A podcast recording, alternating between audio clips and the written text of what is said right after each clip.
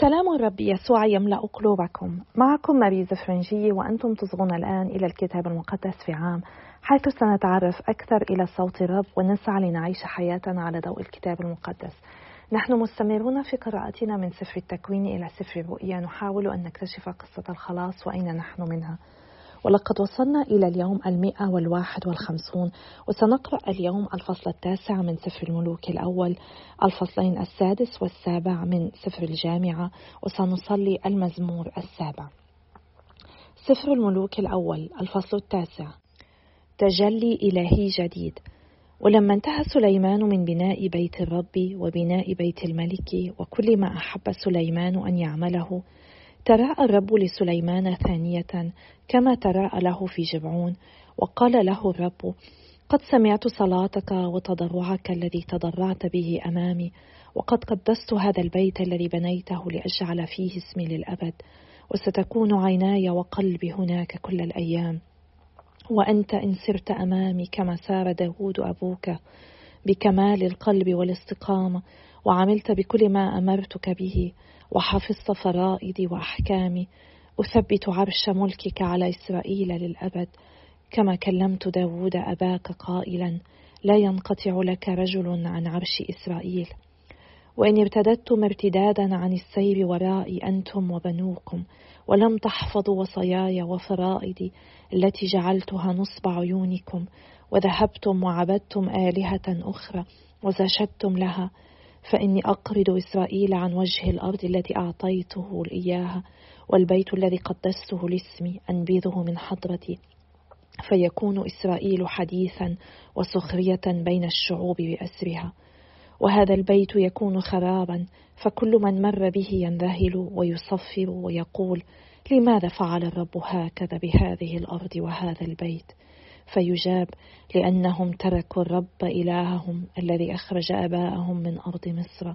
لذلك أنزل بهم الرب كل هذا البلاء.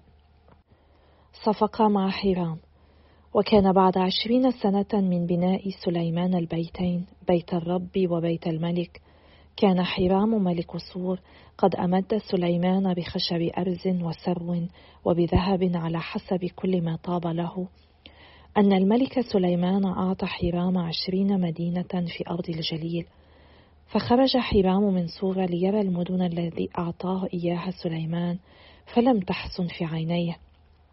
فقال له ما هذه المدن التي أعطيتني إياها يا أخي؟ وسماها أرض كابول إلى اليوم وكان الذهب الذي أرسله حرام إلى الملك مئة وعشرين قنطارا. صخرة البناء.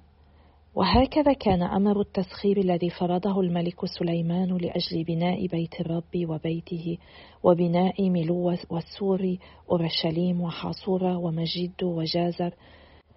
كان فرعون ملك مصر قد صعد إلى جازر وأخذها وحرقها بالنار وقتل الكنعانيين المقيمين في المدينة ووهبها مهرا لابنته زوجة سليمان. فأعاد سليمان بناء جازر وبيت حورون السفلى وبعلت وتامر في أرض البرية وجميع مدن الخزن التي كانت لسليمان ومدن المركبات ومدن الخيل وكل ما أحب سليمان أن يبني في أورشليم ولبنان وكل أرض سلطانه. فسخر الشعب الذي بقي من الأموريين والحثيين والفرزيين والحويين واليبوسيين الذين لم يكونوا من بني إسرائيل بنيهم الذين بقوا من بعدهم في الأرض وهم الذين لم يستطع بنو إسرائيل أن يحرموهم فرض عليهم سليمان سخرة عبودية إلى هذا اليوم. وأما بنو إسرائيل فلم يجعل منهم عبيدا لأنهم رجال حرب له وخدام وقواد وضباط ورؤساء لمركباته وفرسانه. وهؤلاء هم الرؤساء المحافظون على أعمال سليمان خمسمائة وخمسون رجلا مسلطون على القوم القائمين بالعمل. فأما بنت فرعون فصعدت من مدينة داود إلى بيتها الذي بناه لها وحينئذ بنى ملو خدمة الهيكل. وكان سليمان يصعد ثلاث مرات في السنة محرقات وذبائح سلامية على المذبح الذي بناه للرب وكان يحرق الذبيحة بالنار أمام الرب وأكمل البيت. سليمان التاجر سليمان سفان وبنى الملك سليمان أسطولا في عصيون جابر التي بجانب أيلة عند شاطئ بحر القصب في أرض أدوم فأرسل حرام رجاله في السفن مع رجال سليمان وهم قوم ملاحون عارفون بالبحر. فأتوا أفير وأخذوا من هناك أربعمائة وعشرين قنطارا من الذهب وأتوا بها إلى الملك سليمان. سفر الجامعة الفصل السادس. شر رأيته تحت الشمس وهو عظيم على الإنسان. إنسان رزقه الله غنى وأموالا ومجدا فلم يكن لنفسه عوز من كل ما يشتهي. لكن الله لم يدعه يأكل من ذلك وإنما يأكله غريب. هذا باطل وداء خبيث. إن ولد إنسان مئة ولد وعاش عمرا طويلا وكثرت أيام سنيه ولم تشبع نفسه من الخير ولم يكن له قبر فأقول إن السقط خير منه فإنه أتى باطلا وذهب إلى الظلام وفي الظلام يدفن اسمه وهو لم ير الشمس ولم يعرفها فلهذا راحة أكثر من ذاك ولو أنه عاش ضعفي ألف سنة ولم ير خيرا. أليس جميعهم يذهبون إلى مكان واحد؟ كل تعب الإنسان لفمه أما شهيته فلا تشبع. ما فضل الحكيم على الجاهل وفضل الفقير الذي يحسن السلوك أمام الأحياء؟ هو أن ما ترى العين خير مما تسعى إليه الشهوة. هذا أيضا باطل وسعي وراء الريح. كل ما هو في الوجود قد سمي باسمه سلفا. ومعروف ما هو الإنسان فلا يستطيع محاكمة من هو أقوى منه. إن كثرة الكلام إنما تكثر الباطل فأي فائدة للإنسان؟ فإنه من يدري ما هو خير للإنسان في الحياة مدة حياته الباطلة التي يقضيها كالظل؟ ومن يخبر الإنسان بما يكون فيما بعد تحت الشمس؟ الفصل السابع. القسم الثالث المقدمة. الصيت خير من الطيب ويوم الموت خير من يوم الولادة. الذهاب إلى بيت النياحة خير من الذهاب إلى بيت الوليمة لأن ذاك نهاية جميع البشر والحي يوجه قلبه إليه. الغم خير من الضحك لأنه بعبوس الوجه يصلح القلب. قلب الحكماء في بيت النياحة وقلب الجهال في بيت الفرح. سماع التوبيخ من الحكيم خير من سماع ترنيم الجهال لأنه كصوت الشوك تحت القدر كذلك ضحك الجاهل. هذا أيضا باطل الظلم يحمق الحكيم والعطية تهلك القلب. الجزاء آخر الأمر خير من أوله وطول الأنات خير من تشامخ الروح. لا تعجل إلى الغضب في قلبك لأن الغضب يستقر في صدور الجحال. لا تقل لما اتفق أن كانت الأيام الأولى خيرا من هذا فإنه ليس عن حكمة سؤالك هذا. الحكمة حسنة كالميراث وتنفع لناظري الشمس لأن ظل الحكمة كظل الفضة وفائدة المعرفة أن الحكمة تحيي أصحابها. انظر إلى عمل الله. من الذي يستطيع أن يقوم ما قد لوى؟ في يوم السراء كن مسرورا وفي يوم الضراء تأمل. إن الله صنع هذه وتلك لئلا يطلع الإنسان على شيء مما يكون فيما بعد. وهذا كله رأيته في أيام أباطل. بار يهلك في بره وشرير تطول أيامه في شره. لا تكن بارا بإفراط ولا تكن حكيما فوق ما ينبغي. فلماذا تهلك نفسك؟ لا تكن شريرا بإفراط ولا تكن جاهلا لئلا تموت قبل ساعتك. يحسن أن تمسك بهذا دون أن تكف يدك عن ذاك فإن من يخشى الله يجد كليهما. الحكمة تؤيد الحكيم أكثر من عشرة ذوي سلطان في المدينة. ما من بار على الأرض يصنع الخير من دون أن يخطأ.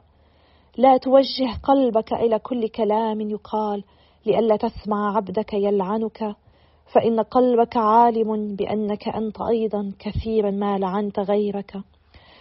كل ذلك اختبرته بالحكمة قلت أصير حكيما فتباعدت الحكمة عني. بعيد ما في الوجود وعميق عميق فمن يجده؟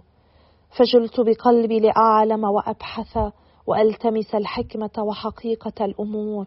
لأعلم أن الشر جهل والجنون غباوة فوجدت أن ما هو أمر من الموت هي المرأة لأنها فخ ولأن قلبها شبكة ويداها قيود. من كان صالحا أمام الله ينجو منها وأما الخاطئ فيعلق بها.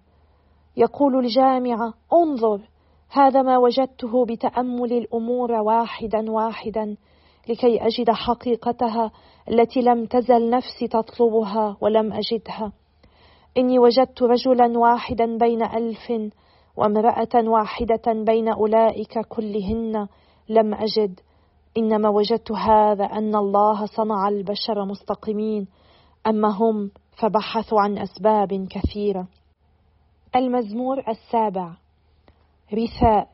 لداود أنشده للرب في شأن كوش البنياميني. بك اعتصمت أيها الرب إلهي فمن جميع الذين يلاحقونني خلصني وأنقذني لئلا يفترس كالأسد نفسي هو الذي يختطف ولا منقذ. أيها الرب إلهي إن كنت قد صنعت ذلك أو كان في كفي ظلم أو كفأت بالشر من أحسن إلي وأبقيت على مضايق ظالم فليلاحق العدو نفسي ويدركها وليطأ في الأرض حياتي وليسكن في التراب مجدي. سلاه. قم يا رب في غضبك وانتصب بوجه حنق مضايقية واستيقظ يا إلهي إنك أمرت بالقضاء. فلتحط بك جماعة الأمم واجلس فوقها في الأعالي. إن الرب يدين الشعوب. فاحكم لي يا ربي بحسب بري وعلى نحو براءتي. ليكف شر الأشرار. أما أنت فثبت الأبرار. إنك فاحص القلوب والكلى أيها الإله البار.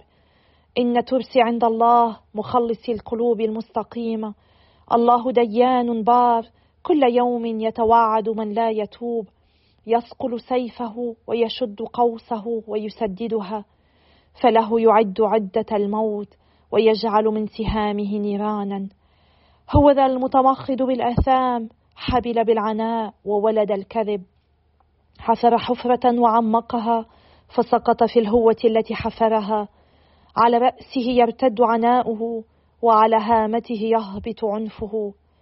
أحمد الرب على بره وأعزف لاسم الرب العلي. أيها الآب السماوي إننا نشكرك نمجدك نسبحك نشكرك جدا على كلمتك على حكمتك التي تشاركنا بها. نشكرك لأنك تسمح لنا بأن نطرح أسئلة ونتساءل عن واقعنا. نشكرك لأنك تسمح لنا وتدعونا كي نتساءل عن الصلاح عن البر عن سر الشر في العالم وفي قلوبنا. نشكرك يا رب لأنك تسمح لنا أن نأتي إليك بكل هذه الأسئلة مع كل تحطمنا التحطم الذي فينا والذي حولنا. ونشكرك لأنك تشاركنا كلماتك من خلال كاتب سفر الجامعة كلمات تدعونا لنسأل أسئلة كبيرة. من خلالها تريد أن تذكرنا أن كل شيء باطل وأنك أنت وحدك باق. أنت وحدك تعطي معنى وهدفا لكل شيء في حياتنا.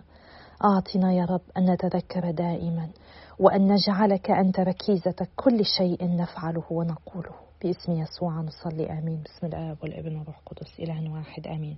بعد ما قرأناه اليوم من سفر الملوك يبدو وكأنه مراجعة لما قرأناه منذ بضعة أيام في سفر الأخبار. نرى أن سليمان الحكيم يأتي إلى نهاية حياته في حماقة.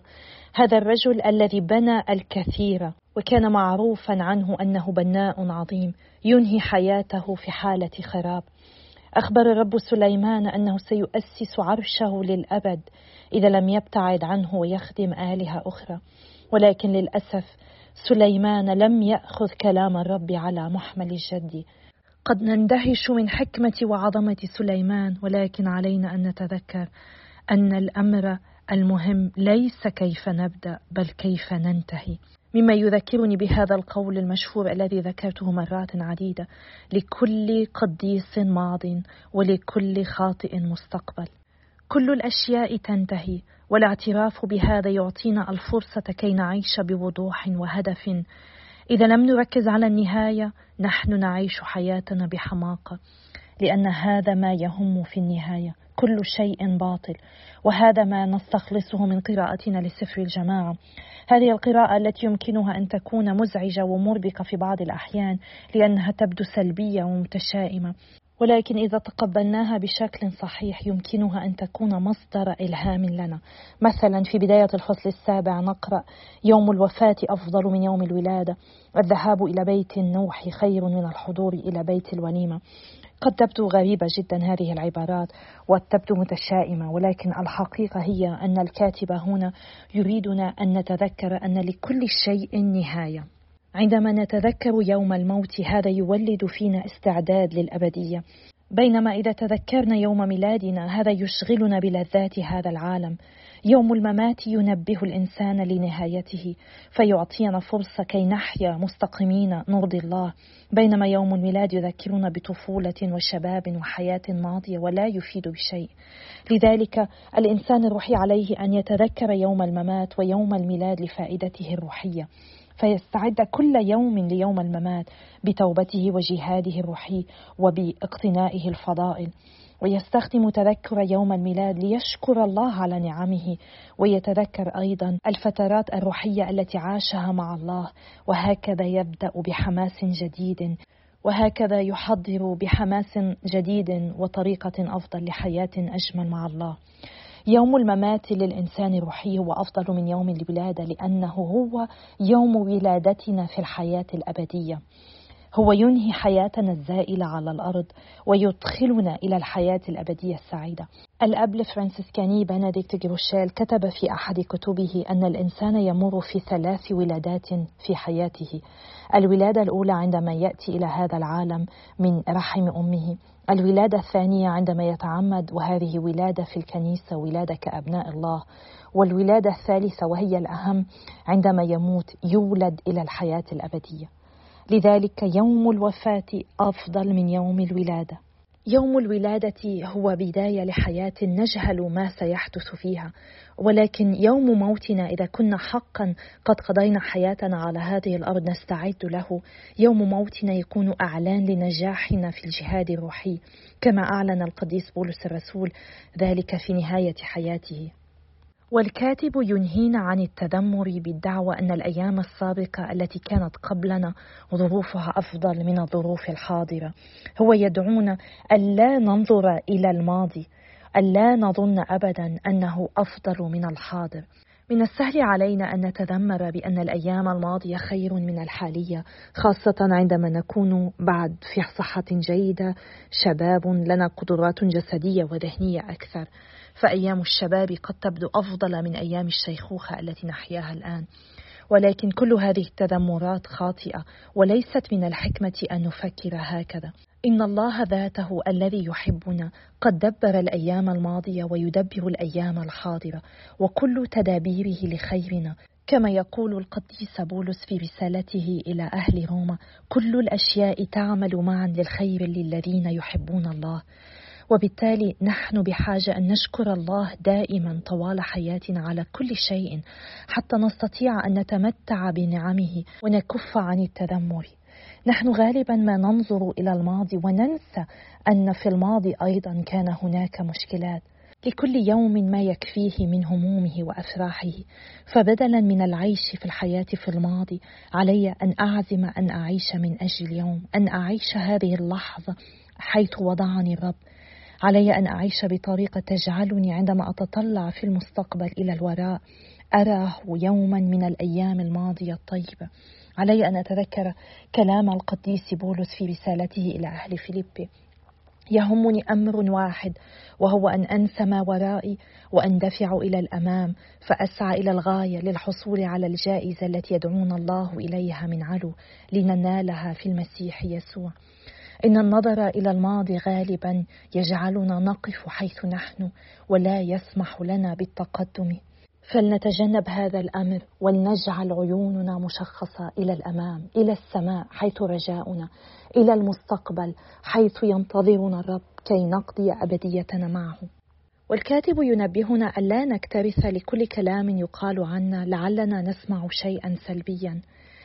الإنسان الحكيم لا يهتم بكل كلمة تقال عليه سواء كانت بالمدح أو الذم لأن الأشخاص يتغيرون في آرائهم وبالتالي آراؤهم تكون متغيرة.